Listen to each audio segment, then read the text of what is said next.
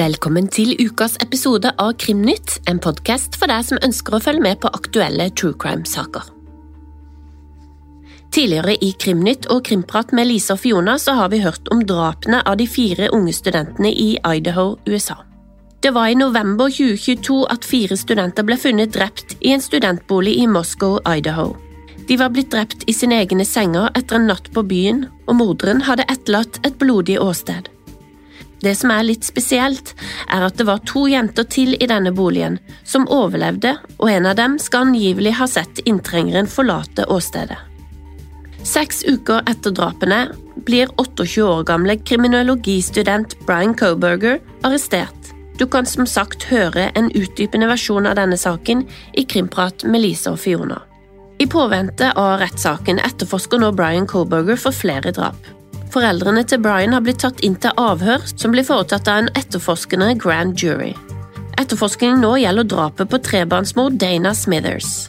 Dana ble funnet i april i år, 2023, i et skogholt åtte mil fra der Coburger bodde.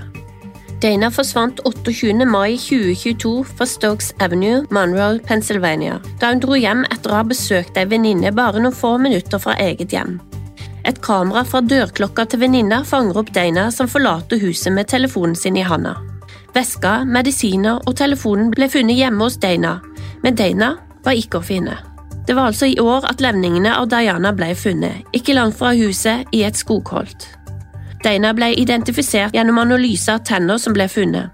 Det var true crime-entusiaster som tipsa politiet om sammenkoblingen til Coburger. Coburgers advokater mener at Coburger har et vanntett alibi. Antageligvis er det foreldrene som kan gi ham dette alibiet, ettersom de nå blir avhørt. Politiet har nå gått ut med å ha sagt at de ikke ser noe kobling til Danas dødsfall, som foreløpig står som undetermined.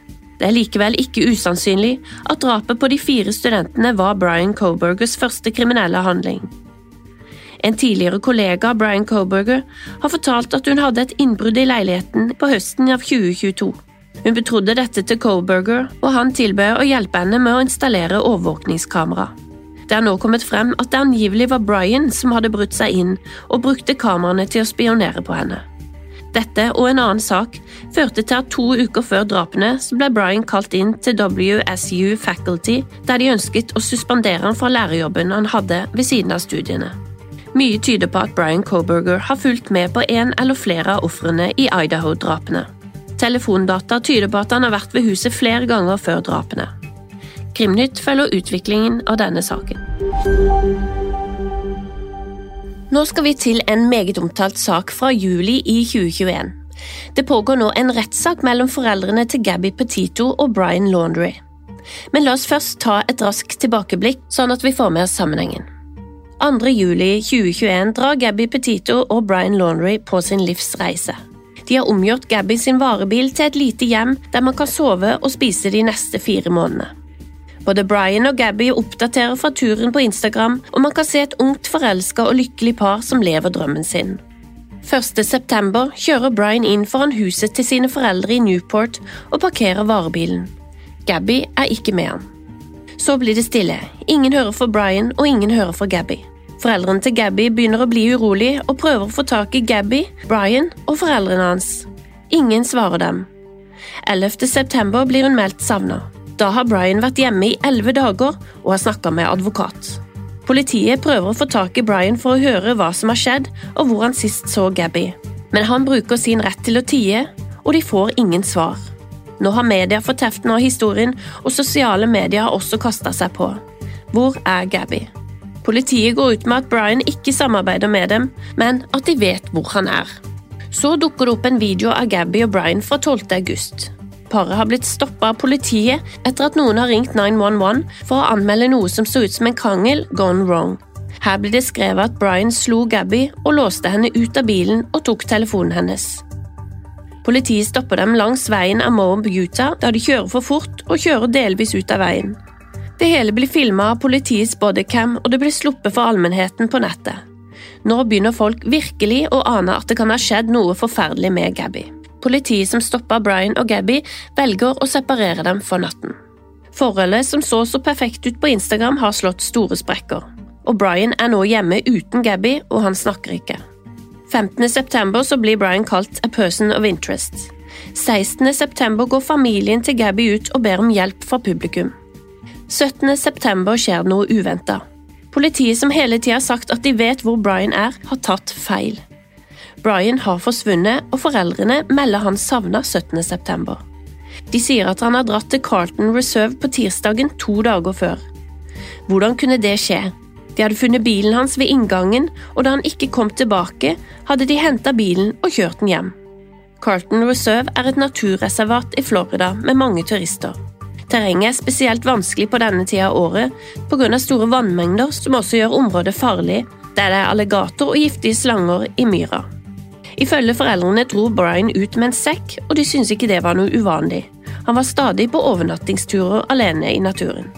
Søket etter Brian begynner. Det blir lett med hunder, droner og et stort letemannskap i det vanskelige terrenget. 19.9 blir Gabby funnet. Gabby ble funnet ikke langt fra der varebilen sist ble fanget opp av noen youtubere i Wyoming. Det ble anslått at Gabby døde 27. august. I mellomtiden letes det etter Brian. Demonstranter møter opp og roper til foreldrene til Brian at de må begynne å snakke. Men det skjer ikke. Søsteren til Brian uttaler seg derimot og sier at hun vet like lite som folk flest. Politiet har nå tillatelse til å hente ting fra huset til Laundry. Hva som skjer mellom foreldrene og Brian etter han kommer hjem, er det enda ingen andre som vet enn foreldrene og kanskje advokaten. Advokaten er en gammel familievenn, og han påstår at det er etter hans råd at de ikke snakker med media eller politi. Det kommer også frem at etter Brian kommer hjem, så drar familien på ferie. Spørsmålet er visste foreldrene at Gabby var død. Dagene og ukene går, og til slutt åpnes Carlton Reserve igjen for publikum.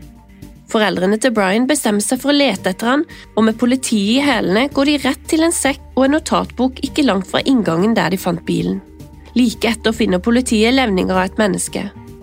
Det blir bekrefta at tingene tilhørte Brian, og kort tid etter, 21. oktober, blir det bekrefta at det er Brian som er funnet død. Han er identifisert på tennene. Det ble altså funnet en notatbok i en drybag og et brev fra moren som åpner med 'Burn after reading'. Dette brevet har ikke blitt offentliggjort før nå. Nå er nemlig foreldrene til Gabby i retten i et sivilt søksmål mot Brian Laundries foreldre. De hevder at foreldrene visste at Gabby var død, og at brevet annet beviser dette. I brevet skriver moren om hvor høyt hun elsker Brian, og skriver annet at hun er villig til å kvitte seg med lik for ham.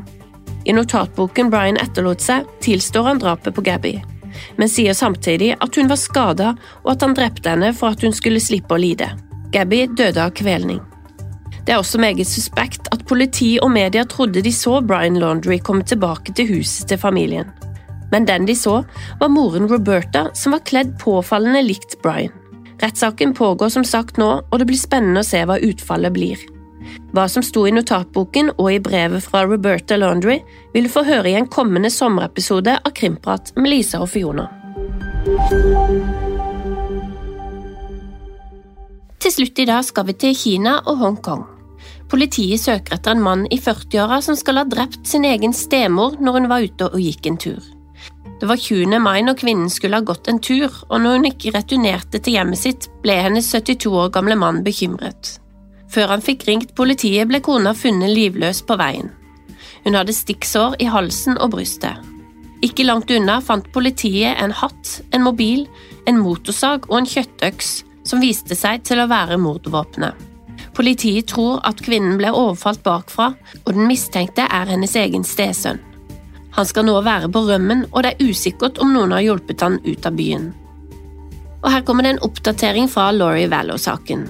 Laurie Vallow blir nå tiltalt for nok et mordforsøk, dette i en annen stat. Brandon Bourdeau, hennes nieses eksmann, ble skutt mens han kjørte bilen sin inn i sin egen innkjørsel. Han overlevde, men han gjenkjente bilen som tilhørte Lauries avdøde eksmann Charles Vallow. Det skal ha vært Alex Cox, Lauries bror, som skal ha skutt. Mer om denne saken hører du i Krimprat med Lisa og Fiona. Det var alt vi hadde for denne uka. Vi høres igjen neste uke med flere aktuelle true crime-saker.